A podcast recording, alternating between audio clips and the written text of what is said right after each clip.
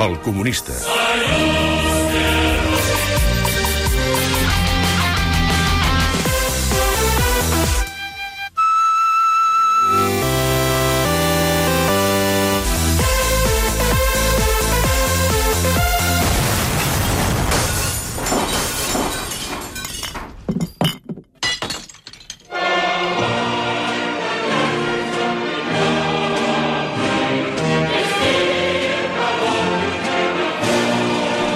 Camarada Joel Díaz, bon dia, bona hora. Camarada Escapa, com sempre, puntual a la cita. Tu Com i es- jo, tots dos. Com està, Joel?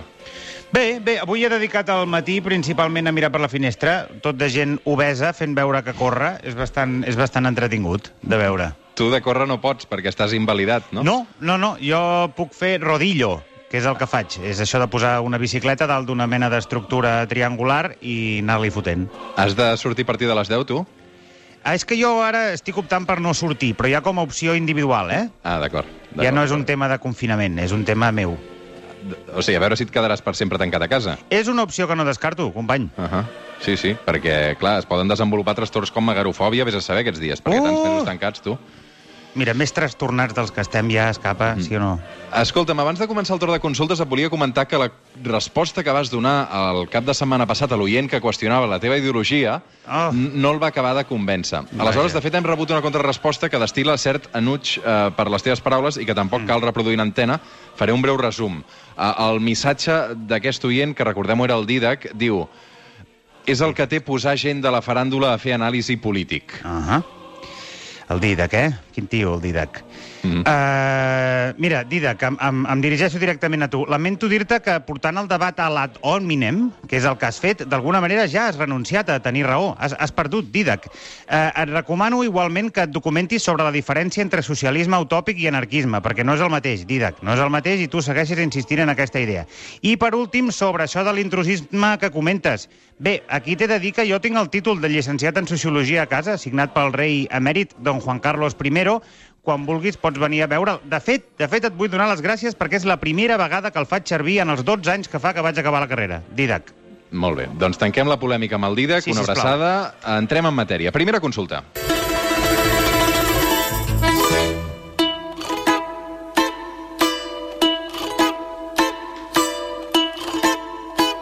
Mira, la primera consulta és d'un tal Dida, que ha sigut Home, no. casualitat. No, eh? ens diu, hola, Joel, no voldria fer-te cap consulta sense abans desitjar-te una bona recuperació. Tinc Gràcies. un cosí que viu a Palau d'Anglesola, al Pla d'Urgell, que Sí, va senyor. patir aquesta mateixa lesió mentre assistia al part d'una vaca. Com? Tenia tot el braç dins de la vaca quan inesperadament va estornudar. Qui, la vaca ell o la va... vaca? Entenc que ell. Ell. La vaca es va espantar i va deixar anar una cossa cap enrere que va provocar la lesió al genoll del meu cosí. Ostres. A part de dislocar-li l'espatlla del braç que tenia dins de l'animal. S'ha recuperat bastant bé del genoll, però s'ha tornat intolerant a la lactosa. Bueno, eh, ho entenc, ho entenc. És el mínim. Dit això, avui és el dia que la gent pot tornar a sortir al carrer i fer un exercici, una mesura pensada sobretot per als milers de runners que infecten la nostra geografia, diu. M'agradaria dir, des del respecte profund, que els runners em fan una mica d'angúnia, són gent suada, amb uns peus impresentables que escupen a terra i es posen silicona a l'entrecuix o als Perdó? mugrons, perquè no se'ls encetin. La meva Ah. consulta és la següent, i ara aquí arribem a la primera pregunta. Vinga. Des d'un punt de vista comunista, quina consideració et mereix un runner? No creus que un runner genera una força de treball que no serveix per produir res en benefici de ningú, més enllà dels venedors de bambes? Molt bona pregunta, Didac. Didac el bo, et diré, perquè has fet una molt bona pregunta. Els runners, amics, són la versió a gran escala de la típica imatge del hàmster corrent absurdament a la rodeta de la seva gàbia. Per què corre un hàmster, Didac? Perquè és una manera de fugir, no físicament, sinó mentalment, de la seva vida de merda. Doncs el mateix amb els runners, eh? Estem parlant de la metàfora perfecta de fins a quin punt estem alienats com a individus, Didac el bo. Davant de la suposada llibertat individual que ens brinda el capitalisme durant el nostre temps d'oci, quan pleguem de la nostra feina de merda Didac, no se'ns ocorre una altra cosa que fer-la servir aquesta llibertat per cansar-nos. Perquè no hi ha cap altre més objectiu que aquest, cansar-nos. Per què? Perquè pensa, Didac, que com més corres i més et canses, més sang necessites al cor, als pulmons i als músculs, i tota aquesta sang és sang que no va al cervell. El capitalisme ha aconseguit que tota aquesta energia que ens sobra, Didac, i també totes aquestes ganes de superar-nos, les dediquem a fer l'activitat més absurda, més individualista i més avorrida possible, que és córrer i no eh, a pensar com fer la revolució, que és el que hauríem d'estar fent. Aprofundint més en la qüestió, diu el Dida que el comunisme fomenta l'exercici físic en temps de pau. Quin? Uh, sí, sí que el fomenta, però per raons completament diferents a les perverses motivacions del, del capitalisme. La motivació d'un esportista comunista no és guanyar, és superar-se a ell mateix. Davant la mercantilització de l'esport capitalista, que fins i tot ha aconseguit que gasteu diners en tota mena d'indumentària tècnica i gadgets ridículs per fer una cosa tan simple i tan bàsica i tan inherent a la vida humana com és córrer, eh, l'esport ben entès des d'un punt de vista comunista es basa en la idea de l'amateurisme no? i de l'esport com a via de, per aconseguir no la glòria, no la dominació, sinó el benestar físic de l'individu i el que és més important, Didac, mantenir-lo en forma perquè sigui el millor soldat possible quan haguem d'anar a fer la guerra contra el capital. I un últim apunt del Didac, diu, m'imagino que saps que en Joan Coscubiela és runner, el vam convidar fa unes setmanes Ah, al comunista. no sabia, no. Per tant, no et preguntaré si creus que es posa silicona als mugrons, per no ficar-te en cap compromís, uh, però diu, jo crec que sí que se n'hi posa perquè el veig irritable, diu. Uh, sí, ja sé per on vas, Didac. Uh, desconec si el senyor Coscubiela es posa o no silicona als mugrons, però sí que crec que segurament fa servir el running per no pensar, com he dit abans, en el seu cas per no pensar coses com ara com es pot ser, per exemple, durant 3 anys, simultàniament líder d'un sindicat obrer i membre del Consell Assessor d'una empresa com Endesa. Deu pensar coses d'aquestes. M'imagino, eh? Segona pregunta. Bon dia, Joel. Em dic Laura Saura Caula. Carai. No sóc tan comunista com tu, més aviat una persona d'esquerres normal. Com Aquests que- dies... Què vol dir normal? No sé. Uh, Oh, normal, normal.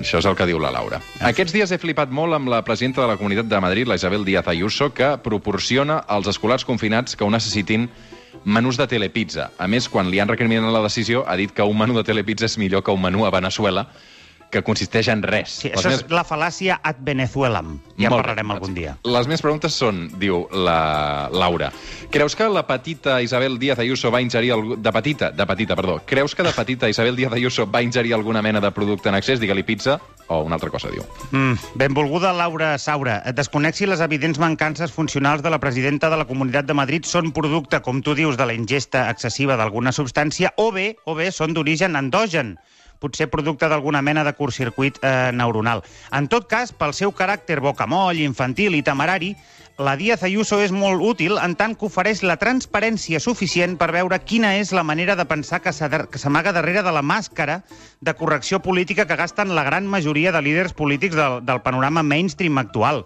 Laura, vull dir que ens, ens serveix com a referent la Díaz Ayuso. És útil.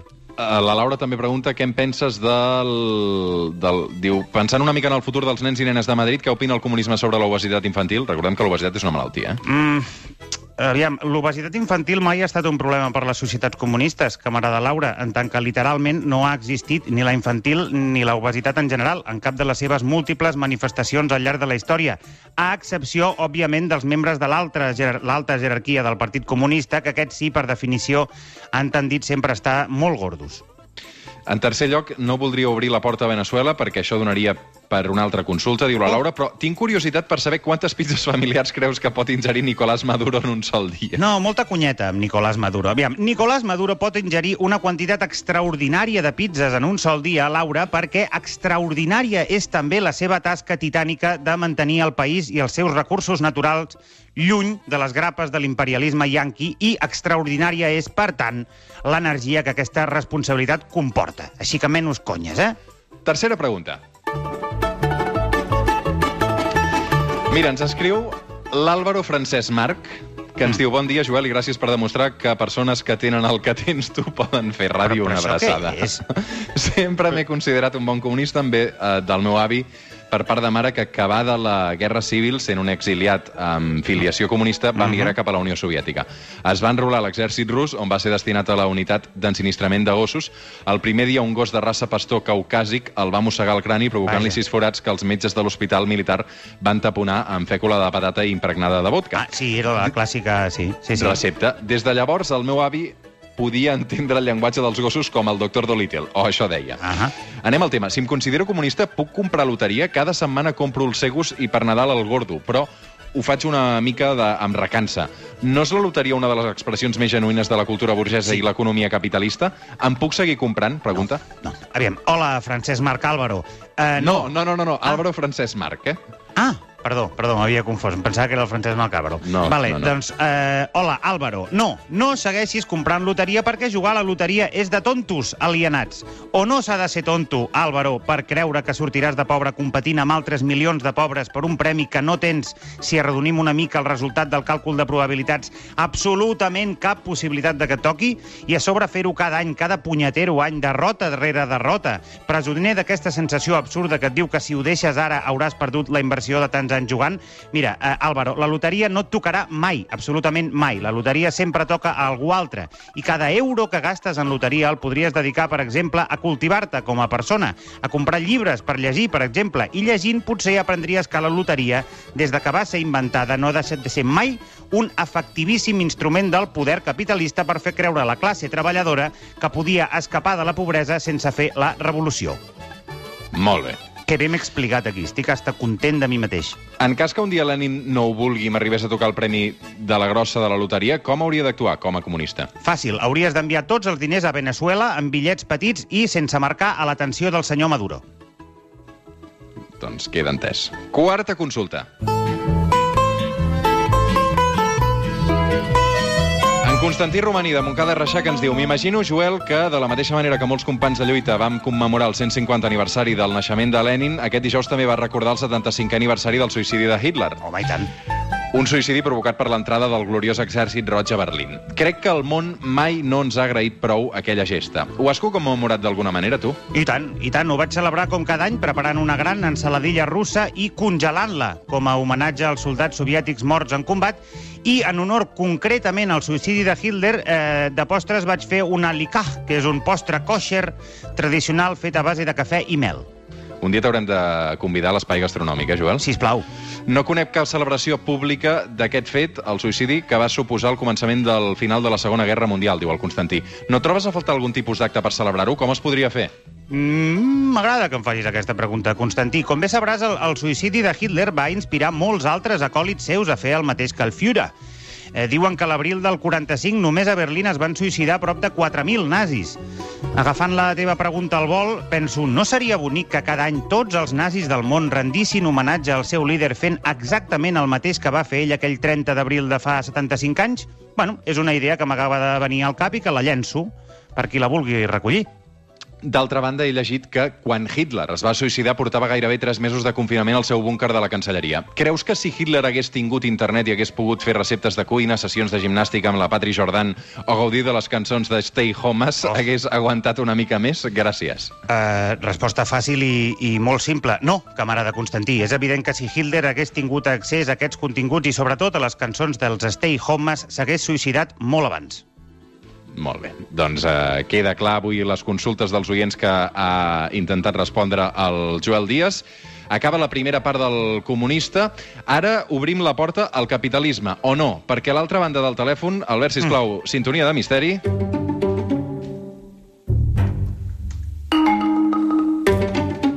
A l'altra banda del telèfon, un personatge mediàtic que, vés a saber, ho hauràs d'esbrinar, si abraça o no els teus postulats, Joel. Aquesta persona ja t'està escoltant, hauràs d'endevinar qui és, i el personatge mediàtic que ja ens escolta només pot respondre a les preguntes del Joel amb sí o no. Endavant. Endavant. Uh, començarem per la clàssica. Ets una dona? No, D'acord. Uh, has abraçat, com diu el, el Roger, alguna vegada els meus postulats comunistes? Mm, Bueno, els meus, els de Marx. El marxisme, mm, el materialisme històric. Uh, fins i tot físicament, diria. Sí i no, sisplau. Sí i no, sisplau, eh? Fins i tot físicament, Sí eh? i no. Sí Ten, i no. tens entre 40 i Sí i no. 60 anys? Sí, Tens entre 40 i 60 anys. I dius que has abraçat fins i tot físicament el comunisme, eh? sí i no. Vol- Vols dir que l'havies abraçat i ara ja no l'abraces tant? És una cosa que sol passar. La vida No. et porta per... No?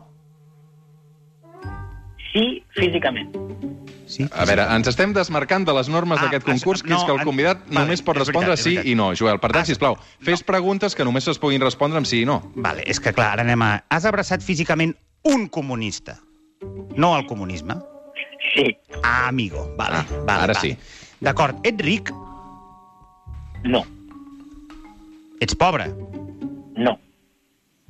Tens segona residència. No.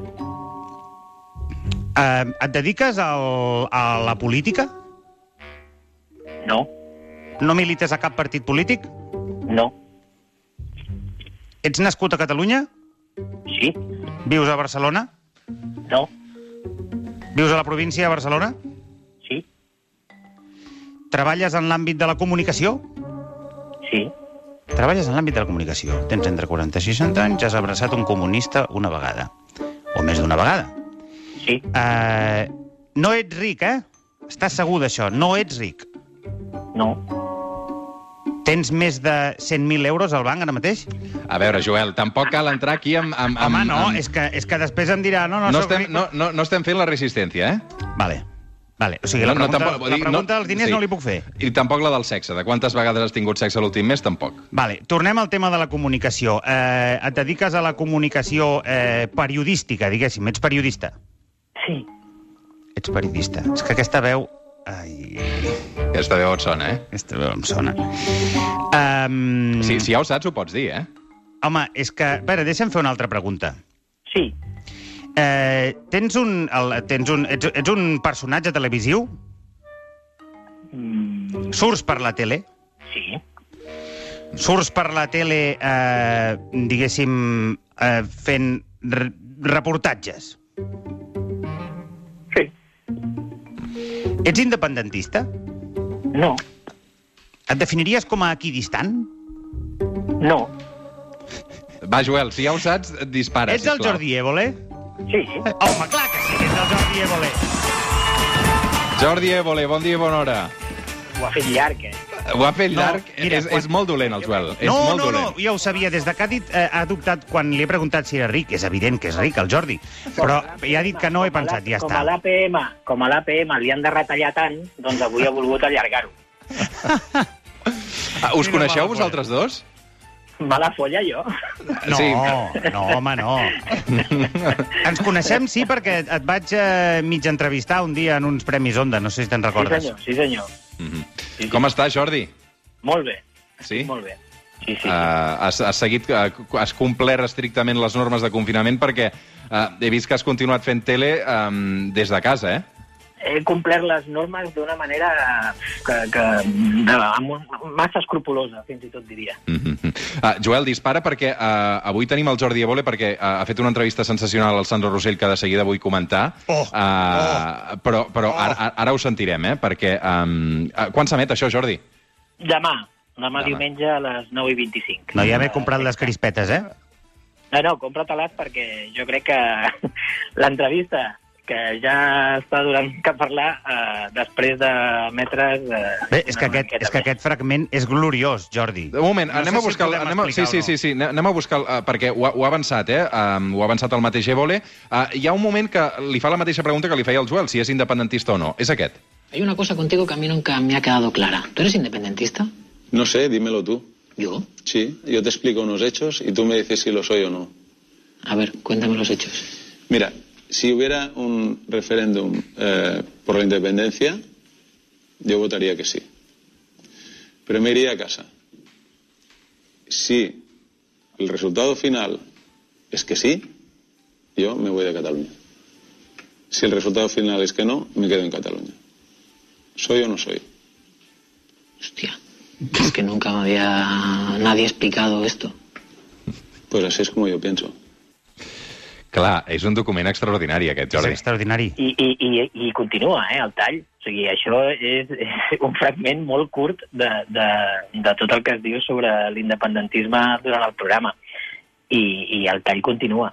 Però Com es menja? jo- Com es, me com es menja aquesta resposta? Això- és que no l'he entès, no l'he És entès que, encara. és que Jo- jo- jo- crec, jo que, en- crec que- crec que en àudio perd una mica, perdona Jordi, perquè en el vídeo es, es veu clarament, la, la, diguéssim, el, el, el desequilibri que hi ha entre la tremenda xorrada que acaba de dir l'home i la cara d'estar dient una cosa tremendament brillant. No sé si m'enteneu per on vaig. Bueno, jo, jo, jo crec que, que hi pot haver més gent de la que pensem que es pugui sentir identificat amb aquesta frase. Ostres, bueno, doncs... Tu com la interpretes, Jordi? No, a veure... perquè jo crec que és, és aquesta baralla que tenim moltes vegades entre el cor i el cap o la cartera. I, Ah. i hi ha molta gent que, que, que pot viure eh, l'independentisme en aquest cas d'aquesta manera. No sé si molta, però no crec que sigui només el Sandro, que pensi, ostres, a mi m'encantaria per sentiment viure en una Catalunya independent, però a mi particularment, econòmicament, potser no m'aniria bé, o no només econòmicament, en altres aspectes. Ja. Crec que va per aquí. Jo, jo faig aquesta interpretació, però és veritat que la primera vegada que ho sents, la reacció és la que jo tinc, o la que jo li dic, hòstia, nunca me han dicho una cosa así. O sigui, seria... Jo voto que sí, per, però, però ja us ho fareu, no? Una mica? Sí, sí, sí, no ho sé. No, Està bé, no, està no bé. no, mm, mm, jo crec que ell vota que sí per sentiment, Uh -huh. perquè li agrada la idea d'una Catalunya independent, però si això es produeix i es du a terme, ell creu que amb ell personalment, pel tipus de, de, de, de vida que porta o per la vida professional que té, doncs potser no li convé. Jo crec que va per aquí la resposta. Tu, Un Jordi, Jordi, tu faries el no contrari? Tu No, votaries no, que no, però et quedaries? No, no, no. no. Ah, jo, jo aquí em quedaria sempre. O sigui, el- el faries el contrari de Rosell. Tu votaries que no, però et quedaries. Sí, sí, sí. O, o, o, Ho trobo més lògic. No sé, és que, és que també podria marxar en qualsevol dels casos. No, no tinc clar que... On has d'estar millor que aquí, sempre- No, no, no tinc clar que sempre s'hagi de viure al mateix lloc. No? O sigui, sóc una persona que, no sé, m'agrada conèixer altres coses, però no només pel... No, no, no, no dependria el quedar-me o no d'un referèndum per la independència. En Queda qualsevol clar. cas, Ja tenim això, titular. Eh, Uh, un moment, un moment, perquè... és un titular, un titular molt poc sucós, eh? Uh, Bueno, no, i- hi, ha, hi, ha més, hi ha més moments, hi ha més, més moments brillants de l'entrevista, eh? Uh, va, següent tall. Quiero saber quién hay detrás, quiero saberlo. Porque tú crees no- que hay alguien no que creo. señala y dice, rasca aquí, que aquí hay algo. Si no, explícamelo tú. ¿Cómo puede ser? ¿Qué es? ¿Un fiscal que se levanta por la mañana y dice hoy voy a investigar al Rosell de lo que hizo hace 11 años en Brasil? ¿Privadamente? Es que me cuesta, ¿eh? Me encantaría ¿eh? pensar así. Me encantaría porque así ya, mira, pum, se me van los pájaros de la cabeza. Pero cuesta, por lo menos cuesta. Però si era l'FBI, si ho sap tothom. Quin silenci. És que em sembla que a l'Evole se li deu haver penjat el telèfon. No, el, No, no, no, jo el sí, tenim. sí, però, però és que no, no, no m'ha fet cap pregunta. Um, ha, ha estat fàcil aconseguir l'entrevista amb Sandro Rossell, Jordi? Mm, bueno, no, no del tot, per, per, per poder ser els primers en tenir-lo en una entrevista televisiva, doncs sempre tu has de currar una mica. I, I en aquest cas, doncs també, però ell ho va veure clar des del principi, des de les primeres converses que vam tenir, va dir que, que volia fer-ho aquí. Tu, tu creus que ell es considerava un pres polític? No crec. I, I repetirà com a president, ara que hi haurà eleccions el 2021? Mm, pf, jo crec que impossible. Impossible. De fet, Crec, crec que... A part, té, té, té una promesa amb la seva mare que li va dir que mentre ella visqués que, que no es tornaria a presentar mai més a la presidència del Barça. Bé, pots no presentar-te, però d'alguna manera o altra influir, també, eh? Potser ets tu el seu candidat. Mira, estaria bé. Uh, Em mira, donin crec... el Barça a mi, ja veuries tu. ja veuries, sí, uh, que riuríem. Uh, mira, crec que uh, hi ha un altre fragment que precisament parla d'això, és aquest. Mirando hacia atrás, ¿hubieses preferido no haber sido nunca presidente del Barça? Mira, esta pregunta me la he hecho muchas veces en la cárcel, muchas. Y siempre decía, ostras tú, ¿por qué me metí en este lío? Me cago en la mar, con lo bien que estaba yo en mi casa. Porque, porque efectivamente desde que yo fui presidente del Barça, antes de ser presidente, tuve cero intervenciones de la agencia tributaria. Desde que fui presidente hasta la fecha de hoy he tenido 72, eh, 72 eh, actuaciones de la agencia tributaria. Doncs, uh, Déu-n'hi-do, déu nhi déu quantes coses que explica Sandro Rossell. Um, Hauríem de saber les que ha tingut Florentino Pérez. Ah, bona aquesta. Bona aquesta. Sí, Sí, sí, no, no, no, silencis, fem És silencis. un programa de Jesús Quintero, eh, això. Sí, sí, sí, només falta el fum del cigarro, que no, que no es veu. Ha sortit al carrer ja, Jordi, avui o no? Avui sí. He Ah, sí? sortit i he fet una, una passejada. I què tal? 9 a 10, a les 10 en punt cap a casa. Bé, bé, bé, poqueta gent, mm, ordre, eh, no, no, no he vist aquestes aglomeracions, no, no he pogut fer cap foto d'aquestes de policia... De policia de balcón. Exacte, en aquest cas Sí. seria policia de carrer, però no, no, no, no, no m'ha calgut. S'ha s'ha aficionat molt, no?, la gent a la denúncia espontània. Sí, és que a la gent li encanta. A la gent li encanta això. Uh, De- uh, Digues, digues, digues, Joel. No, no, no, dic que estic, estic d'acord amb, el, amb, amb, el, amb el Jordi, que, el, que la gent, diguéssim, quan té l'oportunitat de, de, diguéssim, autoerigir-se en, eh, en, en policia voluntari, i normalment no, no perd l'oportunitat de, de fer-ho. I certament és preocupant, oi? Um, jo a l'Evo li, li volia posar en valor, uh, i per anar tancant també, que, clar, o sigui, va aconseguir una cosa aquest confinament que no hem aconseguit cap mitjà català des de fa uh, un parell d'anys, que és entrevistar Rosalia, no? Um, Évole? Sí, sí, sí, vam, poder parlar amb la Rosalia. I, i, i, i, i també és un d'aqu- d'aquests noms que, que, que ens barallem tots plegats per, per tenir-lo i, i, i tu ho vas aconseguir, eh, Jordi? Sí, però jo crec que, que les circumstàncies ens ho van posar fàcil. Mhm. La Rosalia estava lluny, estava a Miami, jo crec que s'enyorava bastant de, de, de la seva gent d'aquí, com d'alguna manera volia llançar un missatge també, que la veiessin i, i no sé, no, no dic que no ho pogués fer també d'una manera més privada i, i, i en videoconferència amb la seva família i ja està, però crec que, que tots estàvem en, aquell, en aquelles setmanes com molt sensibilitzats de, de que alguna cosa havíem de fer i, i ella també, i des de la distància, doncs va voler fer mm, aquesta si- entrevista no que siguis jo li modest. molt. No siguis modest, Jordi. La, la, la, la, la, la vas tenir tu perquè ets tu. L'escapa no la té perquè és l'escapa. A veure, tampoc- tampoc et passis, no, eh, Joel? l'escapa, has de menjar moltes sopes encara, tu, per, per, per arribar al, al, nivell de- de- d'influència que té l'Evolé. Ah, d'influència, El, sí, el, sí. que, el que està molt bé és que hagi destacat l'entrevista de Rosalia per sobre la del papa. Tenia el papa també, però no, està bé, està bé. Mm -hmm. uh, però el papa ja l'havies tingut, Jordi. Això és veritat. Això El papa ja l'havies Amb- tingut. Amb, amb, I- amb el papa... Amb, tens raó, tens raó. Uh -huh. El papa sí que, home, amb aquella promo tan fantàstica esperant allà que, que arribés, eh? Sí, la veritat és que és una sort, el- els programes que hem pogut fer confinats ha sigut una sort recuperar personatges amb els que havíem coincidit i que mai saps quin Clar. record tindran de, de, del programa. I a tots els que hem trobat han volgut tornar, no? Destacaria sobretot el Papa o el Pepe Mujica. Però també crec que els programes confinats tenien una data de caducitat. Si avui la gent està sortint a passejar, me n'alegro molt que demà haguéssim decidit ja desconfinar-nos i emetre el programa del, del Sandro, que a part és que el, el vam gravar ja fa molt. I tenia Quan, moltes quan el veu gravar? Doncs jo diria que el vam gravar a finals d'any, a finals d'any de, de, de, de 2020. No, Perquè 19, de La, 2019. la seva causa judicial eh, està, és a dir, el van absoldre, no? I entenc que està tancat, no? Sí, sí, és que a part hi, hi va haver un parell de recursos de la Fiscalia i els han perdut. Mhm. O sigui, està tancadíssim. El, està tancadíssim aquest cas. El Sandro continua tenint casos oberts. Mm. Té el cas de, del cosí de la Vidal, té un altre cas de Neymar, El Neymar Però- 2, aquell, el de l'empresa aquella, DIS.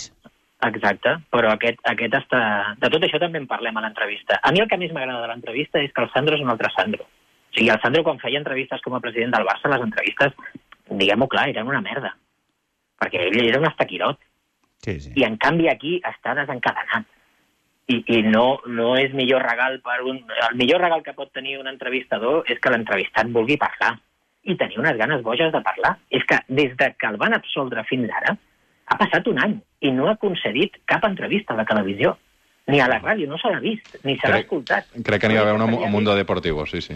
Sí, una Mundo Deportivo, però per escrit, que no, que no Bueno, hi havia ni Mundo Deportivo ni, no compta, ni home. imatge. Però no, no hi havia ni àudio ni, ni imatge. I, I en aquesta, ja et dic, el que s'agraeix és aquesta mena de, de, de, de, bueno, de, de, de Sandro amb ganes, de Sandro Torrente amb ganes de... Va, va, va Torrente, fort, tor en quin sentit ho dius, no? Torrente? no, volia dir Torrente amb el sentit del torrent. Un torrent Ah, ah, vale, vale, no en el amb sentit de- no? Desencadenat, El brazo desencadenat. tonto de la ley, Sí, no. exacte. Eh, és, és, és aquest Sandro que va sense frens. Mhm. I, I el Sandro és un tio que, que sempre ha anat amb el fre de mà posat. Mhm. I, I aquí no. Per això... mm, Bueno, amb els negocis no, eh? Amb els negocis el fre de mà no l'ha posat gaire mai, eh? Ara, de, Jo parlo, de, pa, pa, pa, parlo de l'entrevista. L'entrevista és, és, eh, en aquest sentit, eh, molt agraïda. Molt agraïda perquè des del minut 1, al minut 1, ell ja em diu, sense que jo li pregunti, sé que me vas a preguntar si tengo rencor o si hablo desde el rencor. Sí, tengo rencor. O sigui, sense que ni jo li pregunti. Ja, I ja. surt en tromba. tenia ganes de mambo. Sí, sí, i a part és que ha fet un exercici molt potent d'escriure cada dia el que li passava a la presó. Ho té molt fresc. Doncs I és de... com un, és, és, són uns ulls privilegiats a un lloc que és una bogeria. Sota del real allà estava Bárcenas, allà estava Díaz Ferran, allà estava el president de la Comunitat de Madrid, allà va passar Ángel María Villar... Eh, Que, perquè hi ha, que hi ha un mòdul, perdona Jordi, hi ha un mòdul a sota del Real específic per delinqüents, diguéssim, de, de guant blanc, o, o com va això? O els, o els... Estan barrejats, però sí, sí, hi ha un mòdul no, no, on han coincidit tots aquests. Suposo que per delictes econòmics doncs, deuen tenir algun tipus de mòdul, no ho sé. Mm, Però també conviuen amb presos que no tenen aquest pedigrí, per dir-ho d'alguna manera. A mi hi ha una anècdota que explica que em sembla fantàstica, que és que la filla del Sandro és fan del grup del fill del Bárcenas, de Taburete. Sí. Ah, i que va haver un dia que el Bárcenas i el Sandro estaven en, empresonats sí. i la seva filla i el seu fill estaven al concert, junts. I, a més a més, un dels músics de Taburete és el net de Gerardo Díaz Ferran, que també estava a la presó. Ma- Mare de Déu. Sí, em sembla Sí, que era com un tancament d'un cercle quasi pervers. Uh, Jordi Évole, ho veurem demà tot això um, a la Sexta amb l'Ode Évole, uh, amb aquesta entrevista que té una pinta deliciosa. Um, gràcies per jugar avui amb el comunista. Moltíssimes gràcies a vosaltres. per- A tu, Jordi, a tu. Fins la propera, no Oh, sé, tant de bo que ens tornem a trobar a, a, a, no sé, en uns premis o a qualsevol lloc i, i que em puguis tornar a entrevistar. Tant, Sí. tant de bo, tant de bo, i això voldrà dir, entre altres coses, que torno a tenir feina. Però que no tens ara. Sí, però menys, menys, tota la part Però televisiva. No treballes, a la, no treballes a la PM. Sí, però el, jo treballo a la PM de la ràdio i el de la tele. Però el de la tele ja fa temps que no ho faig. Veig que no, veig que no en segueixes Està, gaire. està de eh? baixa, està de baixa. El, el, el Joel està de baixa perquè es va trencar una cama. No fotis. Sí, Jordi, sí. No, no, no ho sabia, em sap molt Em, greu. em vaig fer la famosa tríada, saps? Hòstia, però això és molt de futbolista. És, Sí, de, sí. és que m'ho vaig fer jugant a futbol, que passa que a un Però nivell, que la oi, que... La toques, la toques. Ah, mm, Honestament, no. No, però m'agrada molt. Soc bueno, típic- escolta'm, ja, ja us trucareu que jo he de seguir amb el programa, d'acord? Uh, us, us doneu els telèfons i ja quedareu. Uh, Joel Díaz i Jordi Évole, gràcies a tots dos per jugar avui amb el suplement. Moltes gràcies a tu. Salut i treball. Adéu, adéu.